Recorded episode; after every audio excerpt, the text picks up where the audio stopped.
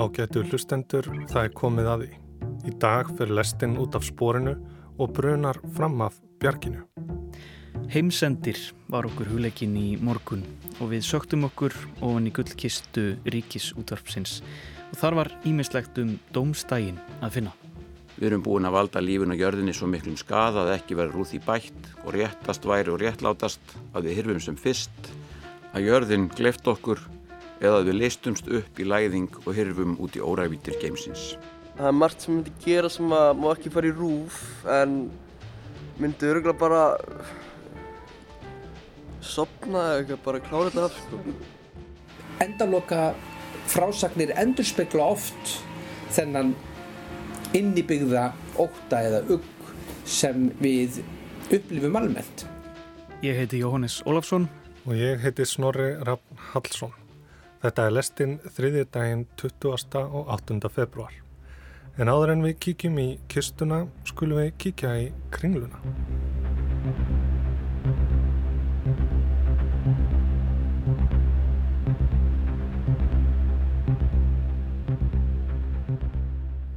Ég myndur ekki að fá mér eitthvað gott að borða og undirbúum bara fyrir það að hvaðið alla, held ég. Já, ég fyrir sund. Það er bara fátt betur að vera umlíkin hítu vatni. Á, það er stort og spurt. Uh, ég myndi örgulega bara fá mér uppáhaldsmatum minn sem er piparostapasta og energia í smárlind og ég myndi bara verja deginum með vinum og fjölskyldu held ég. Dætt í það bara, eða eitthvað, ég veit ekki.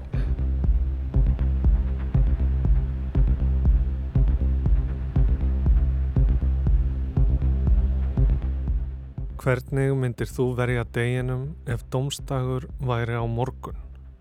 Slaka á. Njóta þess litla tíma sem er eftir. Öruglega bara bóka mér flug og fara eitthvað næs sólaland. Við gáðum kokteil í sólinni. Og ég myndi öruglega bara elda mér eitthvað, geða eitthvað mat og bara finna mér eitthvað, eitthvað til að horfa á. Lord of the Rings eða eitthvað. Ég myndi bara njóta, njóta daginn í dag. Hvernig myndir þú verja deginum ef domstagur væri á morgun? Vera með fjölskyldunni? Bara í gleði og ánægi og með fólkinu mínu. Við myndum fara í bíó og út að borða og skemmt okkur. Svona þess að lifta okkur upp. Þannig að þú myndir ekki gera neitt svona ekstra sérstakt ef heimurinn var að enda á morgun? Nei, ég meina, hann myndi þá bara vera að enda. Er það ekki bara ágætt að enda honum í gleði? Það var heimsendir. Myndi ég lifa þetta af? Það er heimsendir. Herru, ég myndi, ég myndi bara fara heim. Eða tímanum með kærastinu og búið, sko. Og hvað myndið þið gera? Hvernig væri þetta? Klukkan er núna halva 11 eitthvað svo leiðis. Þú ert í vinnunni, þú myndir lappa beint út, fara heim og... Þetta er allt og djúft. ég gæti bara ekki svaraði hvað myndi vera gert. Ef ég væri ekki að fara að vera að vakna aftur á morgun. Ég veit ekki hvað. Hvað myndi ég gera í dag? Ég myndi ekki, ekki trúa þessu, ég myndi bara lifa deginum eins og vennilega.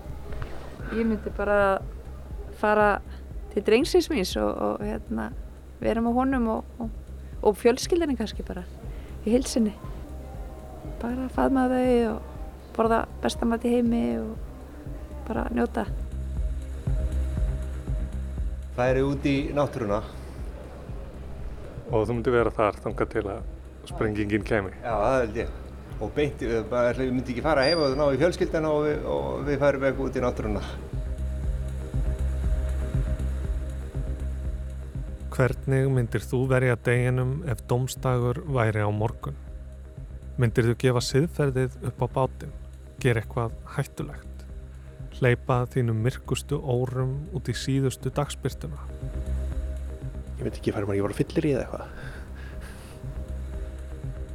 Það er margt sem myndi gera sem að má ekki fara í rúf en myndi öruglega bara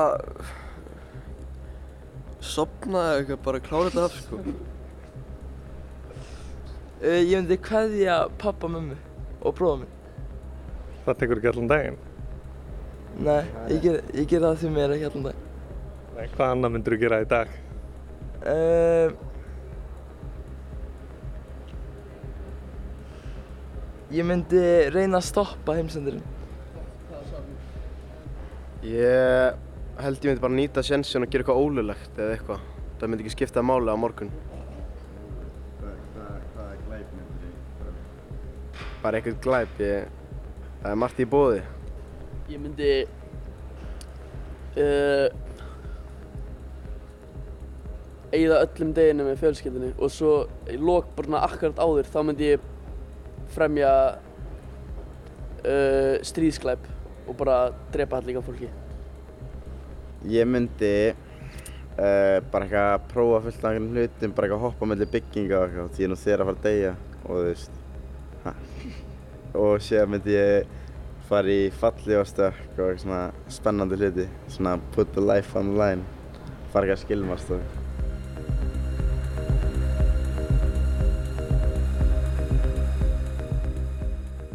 Hvernig myndir þú verja deginum ef domstagur væri á morgun?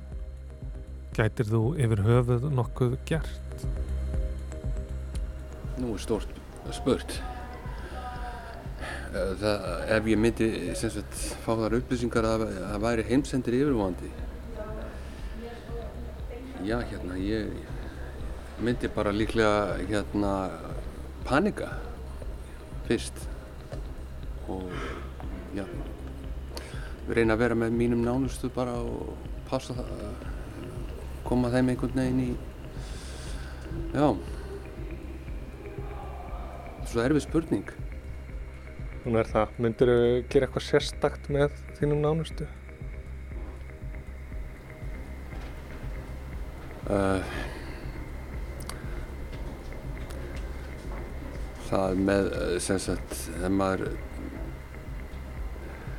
maður vissi það að væri að koma hérna, þú veist, allir vissu það að væri bara að koma einhver hérna, kjarnugssprengja eða eitthvað. Ég meina, maður væri, yrði bara gjörsamlega við uh, já maður gæti ekkert gert. Maður myndi bara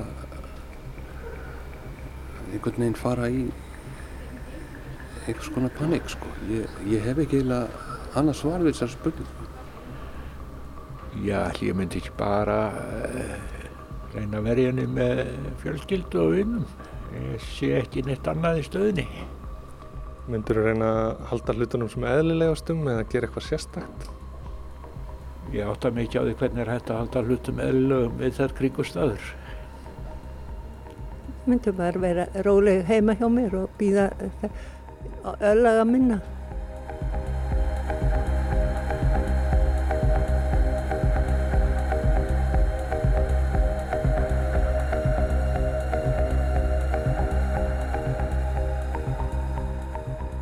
Hvernig myndir þú verja deginum ef domstagur væri á morgun? Þetta er ekki í fyrsta sinn sem Ríkisútvarpið hefur lagt þessa spurningu fyrir borgarbúa. Jökull Jakobsson fór á stúfana 1971 og svörin þá voru ekki ósvipuð svörunum í dag. Með einni undantekningu þó, Guð kemur oftar við sögu. Förum aftur í tíman og leggjum við hlustir. Þátturinn í dag fjallar um heimsendi. Þetta er algjörlega tilefnislausu því við vitum ekki til þess að neitt heimsendir eða domstagur sé í nánd en það er kannski eins gott að vera við öllu búin. Og við bregðum okkur út í bæ með hljónemann eins og oft áður og forvittnumst um viðbröð fólks á göttunni við heimsendi eða domstegi og síðan höfum við leitað uppi ímsa sérfróða menn eða vísindamenn. Og hérna er á Tryggvagötu hittu við 11 ára strák sem er að selja vísi og við leggjum fyrir hans spurninguna hvað myndur þú taka fyrir hendur í dag ef að domstagur væri á morgun? Domstagur? Ég veit ekki. Myndur þú halda áfram að selja vísi? Nei, ég myndi fara heim og bara býða. Ég get ekkert gert. Það getur ekkert gert þegar dómstað síðasti dagur heimsins er. Og hér í gömlu bakarabrekkunni hittum við 19 ára gamlan mentaskólanema og leggjum fyrir hans sömu spurninguna. Hvað myndur þú taka þið fyrir hendur í dag ef að dómstagur væri á morgun? Taka mig fyrir hendur, já. Það er nú það. Það er nú það, já. Það er bara að stara í skólan. Nei, skólan náttúrulega alltaf sem að prófstandi yfir. Það er líklega að sleppa því að lesa allavega fyrir prófið. Líklega ekki neitt. Líklega ekkert. Býða bara, sitja, hugsa, sopna jafnvel, reyna það. Og hér kemur 50 sendimaður út úr samverjubankanum og er að telja peningafúlgu og við stöðum hann og leggjum fyrir hann sömu spurningun og hinna. Eh, hvað myndur þú taka fyrir hendur í dag ef dómstagur væri áræðanlega á morgun? Ég myndi gera mitt besta til þess að manna gangi betur í ef að væri háframandandi líf og ég lítið náttúrulega getur lítið sagt um það hvað maður myndi gera, það er margt hægt að gera og og af svona stöttu augnabliki þá getur maður ekki hugsað svo vel hvað það var best að gera, maður var bara að gera það besta og, og svo myndi ég ekkert eiginlega segja meira neitt um það. Og hér á hverfisgötunni hittum við unga húsfreyju og leggjum fyrir hana spurninguna. Hvað myndur þau taka fyrir hendur í dag ef þú ættir vona á dómstegi á morgun? Já, fyrst og fremst myndi ég vilja fá manni minn heim. Og er langt að sækja hann? Hann er í Grindavík. Ég myndi vilja hafa hann hjá mér. Já, jú, sér gæti hann ekki gert meira. Og hér á Hlemtorgi hittum við húsfreyju og spyrjum hana sömu spurningar. Ég, ég veit það ekki. Og elda matinn og, og það sem ekkert væri bara. Bara Ok. sofa á svipun tíma.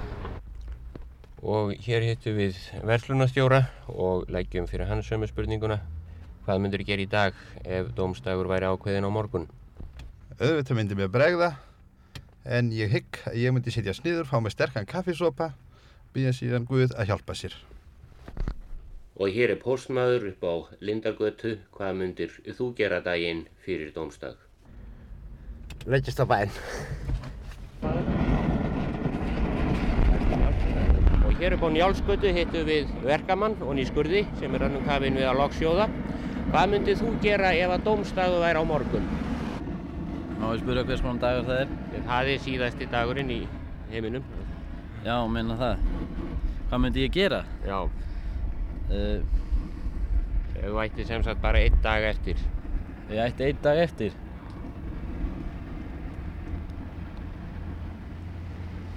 Það ætli ég myndi ekki. Kanski detti í það. Já. Kanski ég myndi lifa lífinu sem allra best. Þannig að þetta, þetta bara þessar stundir sem ég ætti eftir. Ég lifi mjög vel ef ég er hæfislega fullur og er með einhverjum, í einhverjum góðum félagskap. Ég myndi reyna að komast í svona einhverja svolítið stemmingu. Og hér á Njálsgötunni hittum við unga uh, konu sem segist vera húsmóðir með öðru og leggjum fyrir hana sömu spurningun og aðra. Uh, hvað myndið þú taka fyrir hendur í dag ef að dómstagur væri ákveðinn á morgun? Hreint ekkert. Það hefði enga tilgang að taka sér neitt fyrir hendur. Svo ég held ég bjöði bara þessum verða vildi. Og hér hittum við fyrir listmálara og spyrjum hann sömu spurningar og aðra. Hvað myndir þú taka fyrir hendur í dag ef þú ætti vona á dómstegi á morgun? Ég sem myndi klára þetta verk sem ég er með. Það er svo lítið eftir. Og hér niður við höfn hittum við skipverja af Jökulfellinu sem er að gangi land með pókan sinn. Eh, hvað myndið þú taka fyrir hendur í dag ef þú ætti vona á dómstegi á morgun? Ég myndi sannlega hengja mig. Og hér á Sölvhólsgötunni hittum við verslunumann og leggjum fyrir hann sömu spurningun og aðra. Eh, Hvernig myndið þú verja þessum degi í dag ef þú væri vissum að væri dómstagur á morgun? Nú er erfitt að svara. Ætli ég færi ekki út á sjó á trillunni minni. Og hér ofalega í Þingholtunum hittum við fyrir prentara sem er á leið heim úr prentsmiðinni og vindum okkur að honum og spyrjum hvað myndið þú taka fyrir hendur í dag ef þú ætti vona á dómstegi á morgun? Já, sennilega ekki neitt. Því ef á dómstafur væri, já, all líf þurkast út á jörð, þá þýtti ekki gera neitt. En eh, þú myndir ekki gera enn eitt dagamun svona síðasta daginn? Nei, nei, nei. Býða. Við erum öll að býða. Það er ekkert svona sem að þér er kærast að gera sem þú myndir kjósa að verja síðasta deginum við? Nei, ekki neitt. Ekki einu sinni hafa samband við Bakkus. Nei, þú myndir bara standa í prensmiðinni þá og fara heim á réttum tíma Já, jú, ég hygg það. og ekki kveikja á kert einu sinni. Það held ég ekki. Ég hef lifað upp einn slíkan dag sem átt að renna upp í kringum eh, svona 1921 og mér er það nú helst í minni að við söfnaðum saman uh, strákanir í hverfinu og ætluðum að, uh, að býða. Svo var það ekkert. En hvað, eh, þið byggðu þið bara aðgerða lausir eða? Já, já, við vorum bara saman svona, við vorum 8-9 ára. Þú voruð kannski bara spenntir? Já, svona við tókum þetta alvarlega. Mér minnir að þetta að væri frétt í vísi sem að við höfðum uh, að svo upplýsingarnar um að það stæði fyrir dónstagur. Var enginn kvíði í ykkur? Ég maður það nú ekki, ég maður bara eftir því að við vorum saman og höfðum ákveðið það að vera saman, hvað svo sem gerðist. Já, og hér í Þingholtunum hittum við tvo mentaskólanemundur sem er á leið heim úr skólanum og við leggjum sömu spurninguna fyrir þá. Eh, Hvað myndir þú gera ef dómstagur væri á morgun heimsendir? Ég myndi halda ærilegt partí og skemmta mér eftir bestu getu. Og eh, svo við spyrjum hinn, hvað myndir þú myndi gera? bara- bara- myndir þú taka þátt í þessu partíi? Nei, ég veist ég færi bara heima að sofa. Og hérna er í lækjagötu hittu við unga stúlku og hún segir okkur, segir okkur að það sé ekki hægt að titla sér neitt sérstakt, hún sé ekki neitt. En ætlar samt að svara spurningunni. Hvað, hvað myndir þú gera í dag ef þú ættir vona á dómstegi á morgun? Almáttur, á ég að svara þessu núna?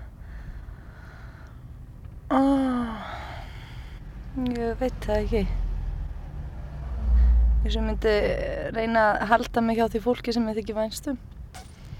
En þú myndir ekki taka þér neitt sérstakt fyrir hendur, ekki gera þér neitt dagamun? Skemmta mér. Mm, Eða eitthvað annað? Nei, mér dettur ekki neitt sérstakur verknaður í hug helst að vera tilfinningarlegt samvend við það sem ég þykir vænstum og að njóta þess. Jökull Jakobsson í þættinum Í dag árið 1971. Fólk á þörnum vegi var spurt hvernig það myndi verja sínum síðasta degi ef domstagur kæmi á morgun og í þeim efnum hefur lítið breyst. En ef við lítum á fjölda leitar niðurstaðna þegar maður slær orðið heimsendir inn á tímaritt.is kemur nokkuð áhugavert í ljós. Eftir því sem líður á 20. öldina fer niðurstöðum sífælt fjölgandi. Á fyrsta áratögnum eru þær einungis 10 en ná næstum 200 á sjötta áratögnum. Og svo heldur þetta áfram að vaksa, fer yfir þúsund á árunum 1990 til 1999 þegar Sagan og Sovjetrikkin liðu undir lok. Kanski skýrist þetta einhver leiti af aukinni útgáfu. Það var einfallega meira skrifað, meira gefið út eftir því sem prentun varð auðveldari og aðgengilegri. Við vorum líka orðin næstum fjórun sinnum fleiri við lok aldarinnar en við vorum við upphafið. En svo gerist eitthvað. Ár þúsundið klárast, 2000 vandin reynist ekki raunverulegur og við pældum minna í þessu næstu tíu árin. Aðeins 577 tilvik fundust af orðinu heimsendir. En svo kom heimsendir aftur inn með kvelli þegar lofslagsmálinn komust í fókus fyrir alvöru. 800 tilvik 2010 til 2019 og engin vafi á að þeim muni fjölga enn frekar, heimsendir nálgast. Eða kannski hefur hann bara alltaf verið með okkur, eða hvað?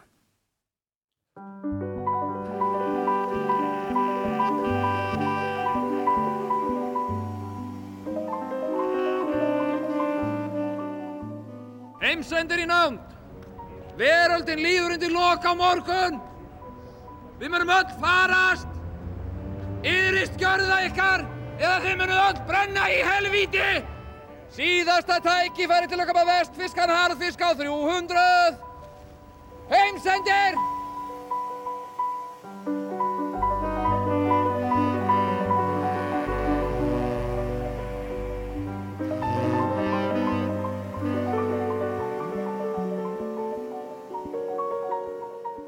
Hugmyndir um heimslit hafa fyllt okkur frá örofi alda.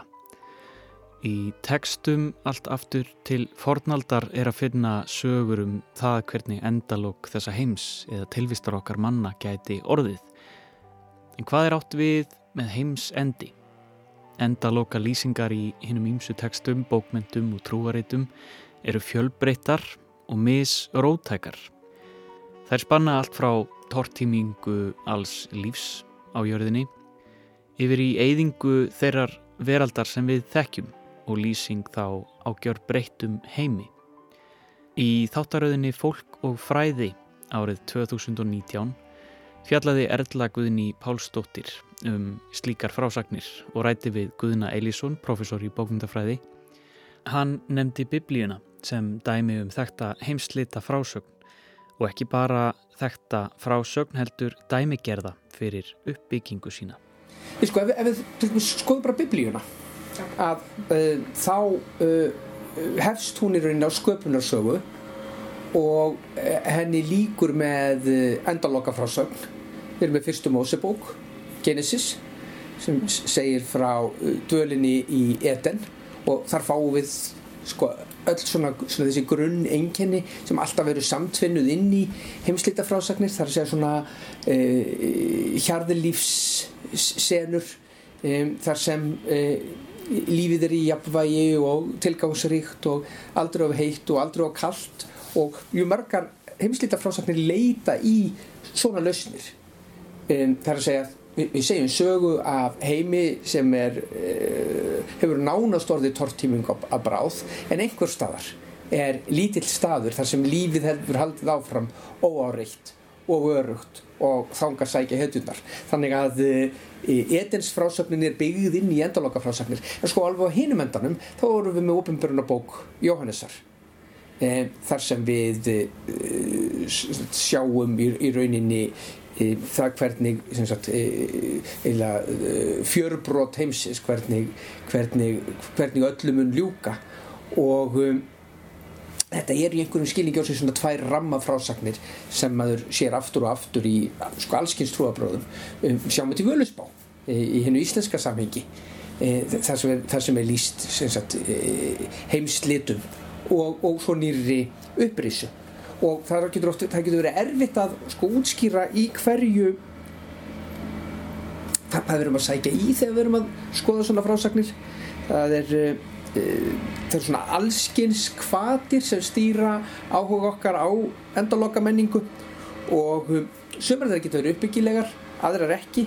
Það er sem við sagt að það er, það er að spyrja sér sko þannig að, þannig að sko, spurningar um það af hverju við sækjum í þetta e, eru oft flóknar en svo að það sé auðvelt að, að, að svara þeim með einhvers konar á einhvers konar hendugan hátt. En ef við erum að halda okkur innan menningarinnar Um, þá getum við sagt, sko rætt um, um, um afþreyingargildið. Ef við förum út fyrir það og skoðum endaloka frásagnir í, í trúarlegu, heimsbeikilegu og vísindarlegu samhengi þá verður spurningin miklu flók, flóknari. Þá getum við spurt okkur spurningarinnar á hún sé trúarlega rætur eða byggir hún á uh, vísindarlegri þekkingu þetta er til dæmis munurum bara á uh, forspár gildi ofinbjörnabókarinnar og forspár gildi 20.000 vísundagreinum lofslagsbreytingar.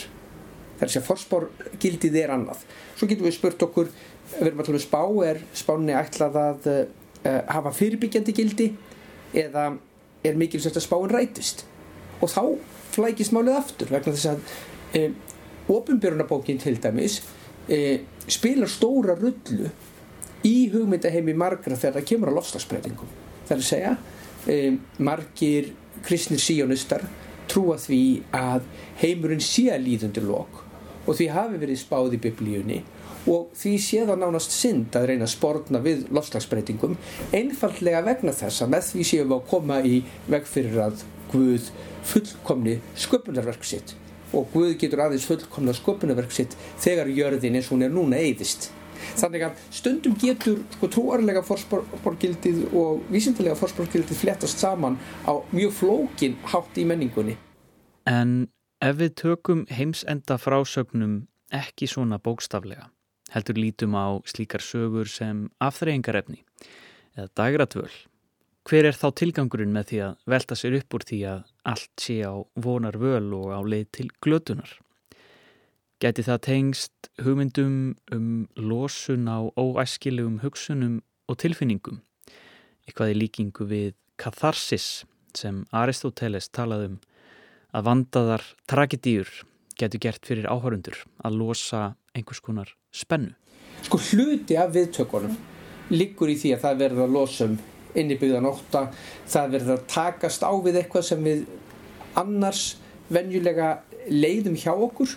Og um, ef við bara hugsa um það hvernig ef við tökum bara svona kjarnorkustriðismyndir eh, að þá verða þá, þá er hægt að sko, fylgja svolítið eftir upp og niður sveiflu uh, kjarnorkustriðis skáldsagna og kveikmynda út frá því hversu sé, hversu djúft kaldastriði var eða hversu ógvænlegt kaldastriði var. Þannig að við, við sjáum til dæmis eftir kúpudeiluna sko mikið risi í, í, í bæði kveikmyndum og skáldsögum sem, sem, sem lýsa tortímingu jarðarinnar á, á þarna uh, sko í, í kjálfar kjarnorkustrís sama sjáum við gerast snemma á nýjund áratögnum um, áður en Reagan og Gorbachev uh, setjast nýður hérna í Reykjavík.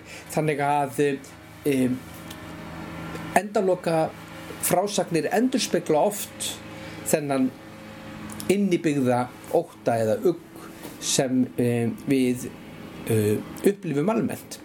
Um, sumir hafa mér sér gaggrínt endaloka frásagnir fyrir það að þær á einhvern háttu hafi gert okkur afþreyingariðnaður hafi gert okkur ónæm fyrir ógninni það er að segja að við sem vorum svo vönn því að heyra sko, öskrað úlfur, úlfur um, og um, að við séum hægt að bregðast við sko okkur sem séu raunveruleg og svo í ofanálag um, gerist það mjög algeng sko oft í Hollywoodmyndum að uh, hættunni er afstýrt á síðustu stundu og við sjáum þetta til dæmis í til dæmis tveimur loftsteinamyndum á tíu, tíunda ára tökum Deep Impact og erna, Armageddon þar sem þú veist vísindamenn fara og, bjarga jörðinni. Um, þannig að uh, þá fáum við svona uh, lausnarfrásagnir í anda um, kristilegra dæmisagna. Um, og um, í þessu getur líka fól, fól, falist einhvers konar e, e, e, útrás neikvæðra tilfinningar sem þarf ekki endilega að byggja á um, raunverulegri stöð okkar. Og gæti þá gert það verkum að við bregðumst ekki við ógninni vegna þess að við höldum að, að uh, það verði hægt að gera það síðar með einhverjum hætti, annarkort með ingripi sko hetju eða tækni eða, eða þrautsegju mænkins eða eitthvað þess átt, mm. þess átt og að þessu leiti skiptir máli að setja sig inn í e, endaloka frásagnir Þa, það, það, það skiptir máli að e, skilja hvernig sko, e, endaloka frásagnir eru byggðar upp. Einfallega vegna þess að það gerur okkur líka þá kleift að skilja hvaða hugmyndafræði hvaða personu galleri geta á einhvern hátt þá líka brenglað afstöðu okkar til raunverulegra ógna. Það er að segja við við, við, við, við lítum á vandamálið við, sjá, við berum kennsla á vandamálið í einhverju skilningi orðsins en um, við horfum til kvikmyndalösna þegar það kemur að því að, að glíma við þau. It's somewhere between six and nine kilometers across so it's big. it would damage the the entire planet not just a house No. The entire planet. Okay, well, as it's damaging, will it hit this one house in particular that's right on the coast of New Jersey? It's my ex-wife's house. I need it to be hit. Can we make you that happen? You and Shelley have a great relationship. No, you stop. Listen, in all You fa- need to stop. I will, but in all fairness, I actually poke you to paid for this the house. I'm so sorry. I'm sorry, are we, uh, are we not being clear? We're trying to tell you that the entire planet is about to be destroyed. Okay. Okay. well, it's um, you know, just something we do around here. You know, we just keep the bad news light. Right, it helps the medicine go down. And speaking of medicine, tomorrow we've got a Well, two-part... maybe the destruction of the entire planet isn't supposed to be fun. Maybe it's supposed to be terrifying and unsettling. Please don't do that. And you should stay up all night, every night, crying. When we're all 100% for sure gonna fucking die! Þetta brot sem við heyrðum er úr kvikmyndinni Don't Look Up sem er satýra úr smiðju Adams McKay Hollywoodmynd þar sem Leonardo DiCaprio og Jennifer Lawrence leika vísindamenn sem komast að því með staðföstum vísindarlegum útreikningum að Lofsteinn stefni beint á jörðina og muni tortíma öllu lífi á jörðinni, jafnvel sjálfri plánutinni. Í þessu atriði sitja þau í myndveri, í spjallþætti í sjónvarpi útskýra umfang og ógnir þessa lofsteins en það verist fara fyrir ofangarð og neðan hjá gladbeittu og kærulösu umsjónarfólki þáttarins. Í Don't Look Up er engin hetju frásögn eins og Guðni Elísson talaði um. Þetta er ádela á það sem veldur aðgerraleysi manna gagvart ógnum sem að okkur stedja. Þannig eru bara vísindamenn sem vit eitthvað og hinn sem vilja ekki vita eða vilja ekki skilja vilja jafnvel græða á ástandinu. Umræðan endar á villigötum eins og vera ber, veru pólitísk og eins og hvert annað þrætu epli á netinu. En hvort sem það er í trúariti eða Hollywood kvikmynd, þá eru svona heimsenda frásagnir ekki um það sem við skiljum. Þær eru alltaf getgátur eða vangaveltur. Hvort sem það er ógn af mannavöldum eða lofsteinn eða pláa. Í hugum flestra er heimsendir bara best geimtur þar, í sögum.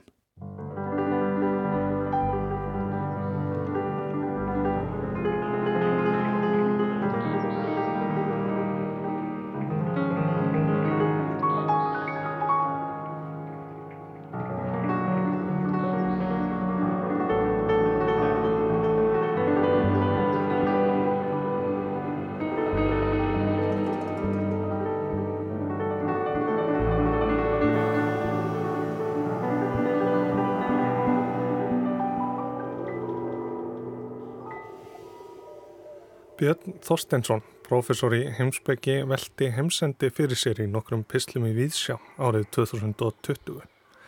Það er nokkuð ljósta einhvers konar heimsendir hangir yfir okkur. Ógnin er í það minnsta mikil og hvað gerum við þá? Gæti verið að í heimsendi fylgst ekki bara takmarkalus eðilegging, heldur líka tækifæri til að skapa heiminn upp á nýtt. Ég klifti saman nokkur brot úr pislaröðinni. Hverju eigum við að trúa í heimi þar sem ekki ber á öðru en að okkur steðji mikil ógn, að lofslag á jörðu fari óðum hlínandi, að jöklar bráðunni og sjáarstaða hækki, að æðimerkur stækki og allskynns illviðri og öfgar í veðufari gerist ætíðari, að þýrustig sjáar fari fallandi og kórallar séu vestlast upp og deyja, að ekki sé minnst á aðrar dýrategundir sem óðumunu hverfa við yfirborði jarðar er framheldur sem horfir, bíflugur, górillur, kólibrifuglar, jafnvel ljón og gírafar.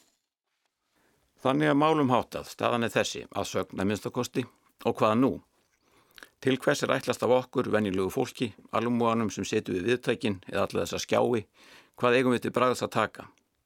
Eigum við að beina sjónum annað, eigum við að líta undan, eigum við að taka lífinu létt og kætast meðan kostur er, hanga sem mest á netinu og senda eins mikið af personupplýsingum og hægt er út í eterinn, meðan einhverjir aðrir, ráðamenn, auðmenn, allar handar ansækendur og stefnumúndur bjarga málunum.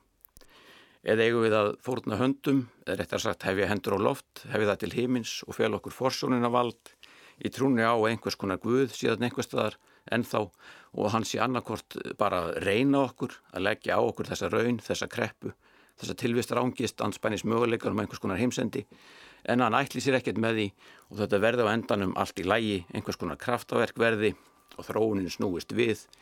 Dýrategundi sem við heldum útuðar byrtist allt í hennu aftur, jöklarni taki aftur að stækka, eðimerkurnar að hörfa og hafið að stillast. Eða hann þessi guði sé þvert á móti búin að fá nóg af okkur og ætli sér að kalla okkur all til sín og einmitt svona fara hann að því.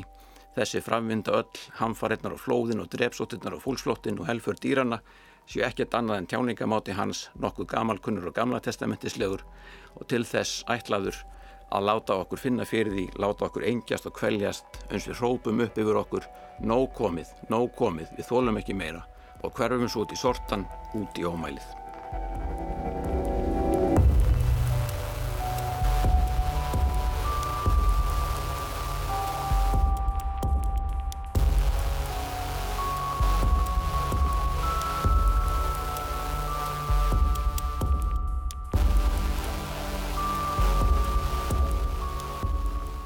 Sérkver kynnslóð verður að frelsa heiminn með því að skapa hann í sinni mynd.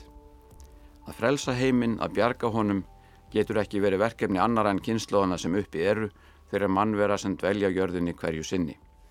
Og þessar mannverur hljóta að leysa þetta verkefni að frelsa heiminn að bjarga honum með því að skapa hann í sinni mynd. En hver er svo mynd, svo mynd okkar sem við eigum að skapa heiminn í? Hvernig eigum við að skapa heiminn, hvers kynns heim eigum við að skapa? Hvaða mynd af okkur viljum við hafa til margs þegar við sköpum heiminn. En nú aftur verða mikil björg á vegi okkar og ekki fljót séð hvaða leið eigi að fara fram hjá þeim. Eitt af því sem velta má fyrir sér út frá þessum tilvitnuðu og halvar aldar gömlu orðum skálsins er hvort að megi vera okkur til nokkurar hugarhægðar að við sem nú erum uppi og stöndum anspænist þeim heimsendi sem gefur sér til kynna okkar daglega amstri með hugtökum og borðið hanfara hlínum Við erum ekki einu um það að hafa hlotið það verkefni í arf að bjarga heiminum. Fyrir kynnslóðir stóðu frammi fyrir slíku líka, til dæmis í Evrópu að lokinni fyrir heimstyrjöld, nú eða á dögum 30 ára stríðsin sem, sem lagði mið og norður Evrópu að miklu leiti rúst á fyrirluta 17. aldar, að óglemdum hinnum ímsu þjóðum Rómunsku Ameríku eftir grimdarverk og eðileggingu nýlendustöfnunar, dæmin eru mörg, heimsendir hefur áður verið í nánd og kynnslóðunar hafa áður þurft að bjarga heiminum. En hversu langt rekkur svo hugsun, hversu mikil stóð er í henni fyrir okkur þegar allt kemur til alls.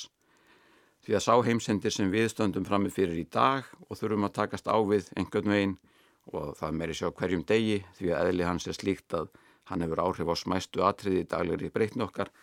Þessi heimsendir virðist einhvern veginn vera af áður óþektir stærðargráðu eða í það minnsta allt öðruvísi vaksinn en fyrir byrtingarmyndir sama fyrirbæris. Hann nær til mannkinsins alls hvar sem er á hnettinum og krefur það þetta mannkinn um svör hvað varðar stöðu þess í heiminum í heilsinni, hvorki meira minna. Hann spyr að því hvað mannkinnið mun reynast hafa verið þegar upp er staðið.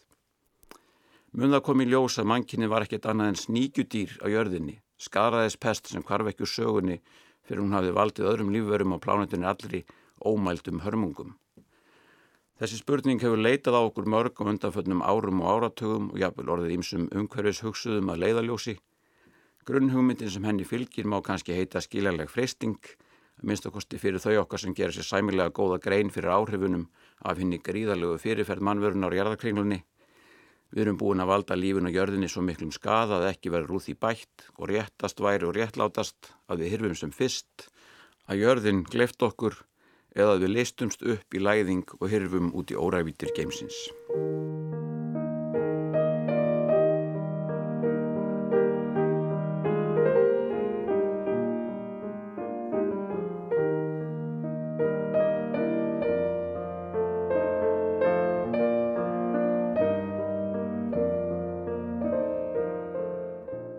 Bandaríski bókmyndafræðingurinn Fredrik Jameson let frá sér fara fyrir nokkrum áratögum staðhæfingu sem komist hefur í fullmikið hámæli og er kannski orðin einhvers konar klísju en í henn er þó fólkin ákveðin sannleiksbrottur sem er langar að huga að.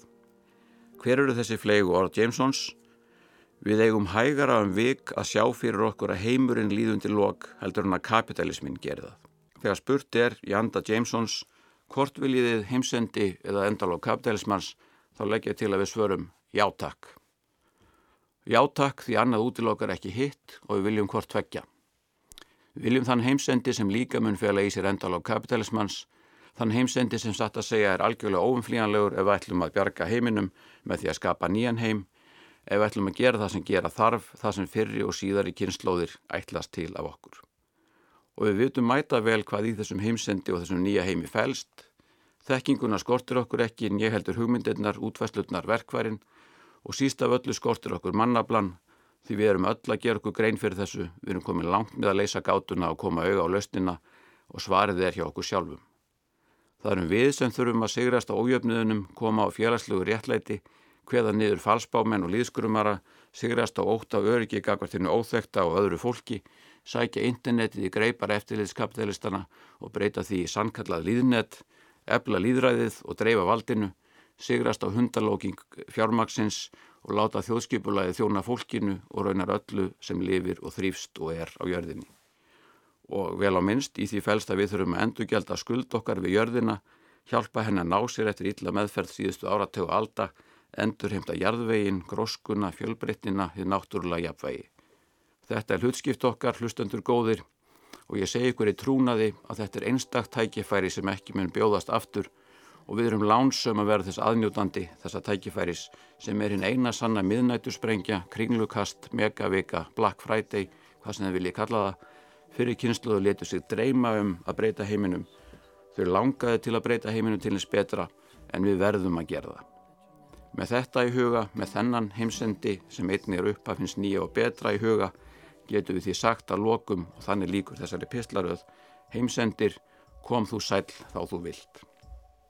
Heimsendir kom þú sæl þá þú vilt, sagði Björn Þorsteinsson heimsbyggi professori í Víðsjá fyrir réttum þremur árum. Heimsendir, já takk. En er heimsendir í kortunum eftir því sem við best vitum og geta menni yfir höfuð hugsað svona langt inn í framtíðina? Þórhildur Ólafstóttir velti þessu ymmit upp í viðtali við heimsbyggingin Hlinn Orra Stefánsson í samfélaginu hér á ráseitt fyrr í februar. En sko er þá út frá þeirri þekkingu sem þið hafið aflað, er þá útrýming mannkins bara í kortunum þarna í framtíðinni eins og staðan er núna? Nei, ég, ég myndi ekki segja, ég held að engin myndi segja að það sé beint í kortunum í þeim skilningi að það sé líklegt en hins vegar þá er það í kortunum í þeim skilningi að það er mögulegt og og þegar um er að ræða eitthvað svona alvarlegt, þetta alvarlegt eins jafn alvarlegt og, og útrýmingu mannkins þá held ég að, að það sé mikilvægt að hugsa ekki bara um það sem líklega muni gerast, heldur einnig um það sem að mögulega muni gerast. Svo við hugsa um þegar við ja, fljúum með keirum þá veltum við ekki bara fyrir okkur líklegust útkominni, heldur líka reyna að koma fyrir, fyrir verstu útkominnar jafnvel þó að það séu ólíklegar. Mm. Og það eru ímsar, það eru ástæð fyrir að það er ástæði fyrir að hafa ágjör af því að til dæmis útrýming mannkins eða kannski meira, meira lík, líklega að það verður stöðnun eða, eða hnignun sem að getur komið veg fyrir að, að mannkinn á fullin þróska eitt dæmi um það er að sjálfsögðu loftlagsbreytingarnar það er það sem að hefur mhm. talað mest um já, já. en og annað sem hefur talað kannski mikið um síðustu tvö ári eru stríð stríð eru gríðalegur áhættu þáttur þegar kemur að, að, að tilvistar áhættu ekki bara vegna þess að fólk, margt fólk deyr í stríðinu, heldur líka vegna þess að fólk eða þjóðir taka óskinsamar og, og mjög áhættisamar ákvarðanir í stríðum. Til dæmis við framleyslu eh, efnavopna og annara svo kallara lífræðilega vopna það sem að geta orðið slís við veitum til dæmis að, að Ímsa þjóður hafi gert tilhörnir með að þróa ákveðna svona drepfarsóttir í hernatilgangi. Jafnvel þótt þess að þjóður ákveða ekki að nota þessar veirur í hernatilgangi, það geta orðið slís á rannsóknstofunum, alveg eins og hafa orðið stundum á öðrum rannsóknstofum við, við rannsóknuna á veirum. Og ef eitthvað af þessum veirum sleppur eða lendur í höndum á, á, á hriðiverka fólki til dæmis, þá getur það skapað ákveðna tilvistar áhættu fyrir, fyrir mankin. Og Og það er engin að halda þig fram að þetta sé eitthvað mjög líklegt en alveg eins og það er kannski ekki mjög líklegt að, að við lendum í bílslið sem setjum samt á okkur bílbelti að þá teljum við að það sé mikilvægt að, að rannsaka og minna á þessa áhættu þetta. Já, sko heimsbyggileg spurning uh, sem er gott að því að þú ert heimsbyggingur er mannfólkinu uh, ekki bara óeðlislegt að hugsa langt í tíman um eitthvað sem að þau tengjast ekki og, og, og, og verði ekki til og upplifi ekki sjálf? Já, það er alveg þetta fólk, það er fólki ekki eðlislegt að hugsa svona langt fram tíman og flestir hugsa ekki mikið um hag og velferð fólks langt fram í framtíðinni. En ég held að ef, ef ég á að fara rauk fyrir því að okkur ættum að gera það, að þá held ég að ég myndi byrja því að, að benda á aðra vít, þar er að eh, rúm. Eh, við flest okkar eru samanlega því að, að það hvar einhver er í, í heiminum eitt og sér ákveður ekki hversu mikilvægt er að við komandi hafa gott fyrir einhvern slemt. Bara til þess að dæmi að samstarfskona mín býr í Ástralju, fótbrotnaði fyrir það. Það að hún er langt frá mér, langt í burtu í rúminu, eh, gera það ekkert skarra að hún hafi upplifað þannig sársöka í fyrra þannig fótbrotnaði. Og tími er náttúrulega bara önnur vít alveg svo rúmið. Þannig að með samanskapið þá myndi ég vilja meina að það hvar einhverju stættur í tíma ákveður eitt og sér ekkert hversu mikilvægt er að við að hafa gott frekans slæmt. Auðvitað getur það haft það hvar einhverju er annarkort í tíma eða rúmi haft áhrif á hvað við getum gert fyrir viðkomandi. Við til dæmis vitum minna um þarfir kynslu á framtíðanar heldur en þarfir þeirra sem lifi í dag en það þýðir ekki að þarfirna sem slíkar eru neitt minna mikilvægar ekki frekar en þarfir þeirra sem er hinn minn á nettunum sé eitthvað minna mikilvægar bara þau eru hinn minn á nettunum og kannski önnuleg til að hugsa um þetta er að ef maður hugsa í staðans að hugsa hundra ár fram í tíman ef við hugsa bara eitt ár í einu ef við veltum fyrir okkur ok, fyrstulega er eitthvað mik minna mikilvægt að fólk eftir eitt ár hafa gott heldur en fólk í dag haldið að fluttum til það er nú fólk eftir ár, ég menn það er við og bönnur okkar og vinnur okkar, það er alveg mikilvægt að þau hafa gott eins og við. En mann bæti þá við einu ári þar á eftir og segir ok, en tvö ár þá? Haldið flesti myndið samþykja já, það er alveg mikilvægt að fólk eftir tvö ár hafa gott eins og við. Og mann heldur þá áfram að leggja alltaf til eitt og eitt ár og þá held ég að hægt sé að samfara fólk á endanum um að já, ok, það er tíminn sem slíkur ákvarður ekkit hversu mikilvægt er að fólk hafa gott. Já þótt hann getið ákvörða það hversu mikið við getum kannski gert fyrir fólk eða hversu mikið við getum vita um þarfið þeirra og, og, og svo framvegis en, en, en tími sem slíkur hefur engin áhrif á það hversu siðfurlega mikilvægt er að fólk hafa gott frekar en að það séu óhamgisamt eða, eða upplifi til dæmis sásöka. Þessar vangaveltur um heimsendi ganga í ringi eru einhvern veginn alltaf nálagt okkur. Við spyrjum sömu spurningana aftur og aftur og svörin litast af heimsmynd og hugmyndum hvers tíma fyrir sig. Jökull Jakobsson í þættinum í dag frá árinu 1971 spurði Þorstein Sæmundsson stjörnufræðing sömu spurningar. Hvort heimurinn væri að farast á næstunni og hver framtíð mannkins væri. En við skulum vita hvort vísindin geta gefið okkur einhverja huggun þar sem trúflokkurinn getur það ekki. Og við höfum fengið hingað Þorstein Sæmundsson stjórnufræðing og mér langar til þess að leggja fyrir því spurninguna uh, Dr. Þorstein hvort miklar líkur séu á heimsendi í náinni framtíð? Svarið lítur að fara eftir því hvað áttir við þegar talaður um heimsendi Ég held að eh, menn hafi ólíkar hugmyndir um það. Fyrir sumu myndi það eh, sjálfsagt vera heimsendir ef mannkynnið eh, dægi út. Endalók mannkynsins sérstaklega ef þau eru með snöggum hætti myndu í augum margra vera heimsendir.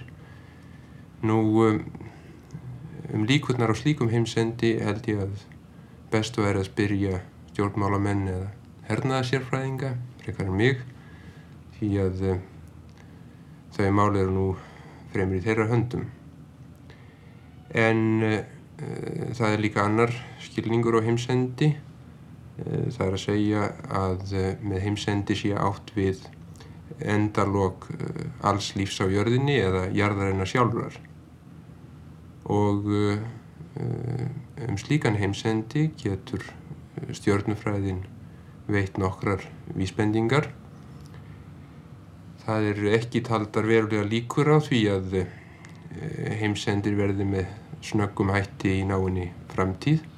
Að vísu er hugsanlegt að til dæmis nöttur, framandi nöttur einhver staðar utan úr himmingeimnum gæti komið og reykist á jörðina en ég held að stjórnumfræðingar séu engir trúaðir á, á, á slíkt, það sé minnst að kosti mjög fjarlægur möguleiki. En það sem mestumáli skiptir er þróun sólarinnar sem stjörnu því að líf á jörðinni er uh, komið undir því hvað gerist á sólinni, komið undir útgeislun sólarinnar. Nú telja stjörnufræðingar sér vita nokkuð vel hvernig þróun stjarnar verður og það er talið að sólinn hafi geislað frá sér með svipuðum hætti eins og hún gerir nú í, síðast, í undanfarin 5.000 miljón ár, 5 áramiljarða. Og e, það er álitið að e, stjörnur eins og sólinn haldist á slíku jafnvægi skeiði e, mjög lengi og að sólinn muni eiga fyrir sér önnur 5.000 miljón ár áður en nokkrar verulegar breytingar verða á henni. En að þeim tíma liðnum þá er sennilegt að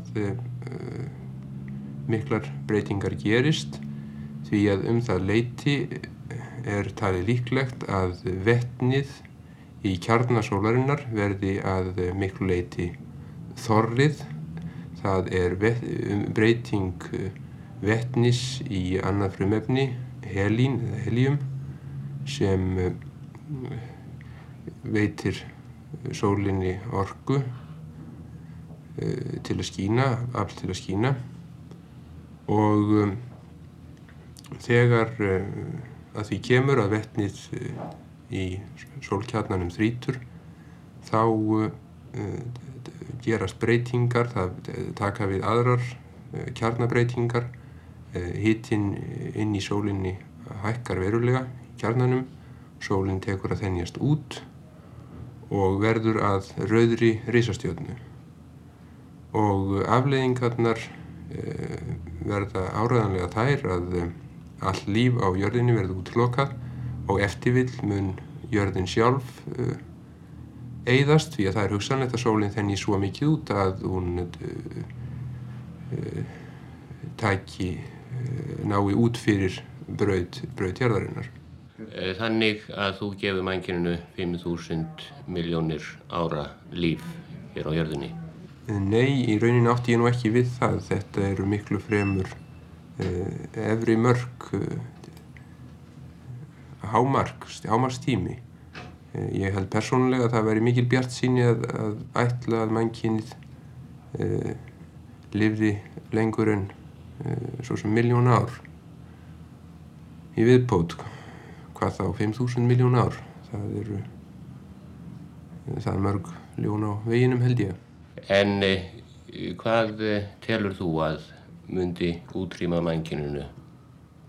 Ég vil nú ekki, sattur sé ekki fullir að neitt um það en ég held að offjölgunin og eh, þau vandamál sem hún leiðir af sér þau, þau verði hættulegust þegar fram í sækir Við látum þetta verða loka orðin í dag um heimsendi og dómsdag.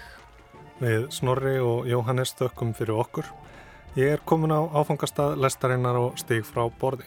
Jóhannes verður með ykkur á sama tíma á morgun og Lóa snýr aftur í næstu viku. Tæknumæður var Lítiða Gretastóttir. Verðið sæl.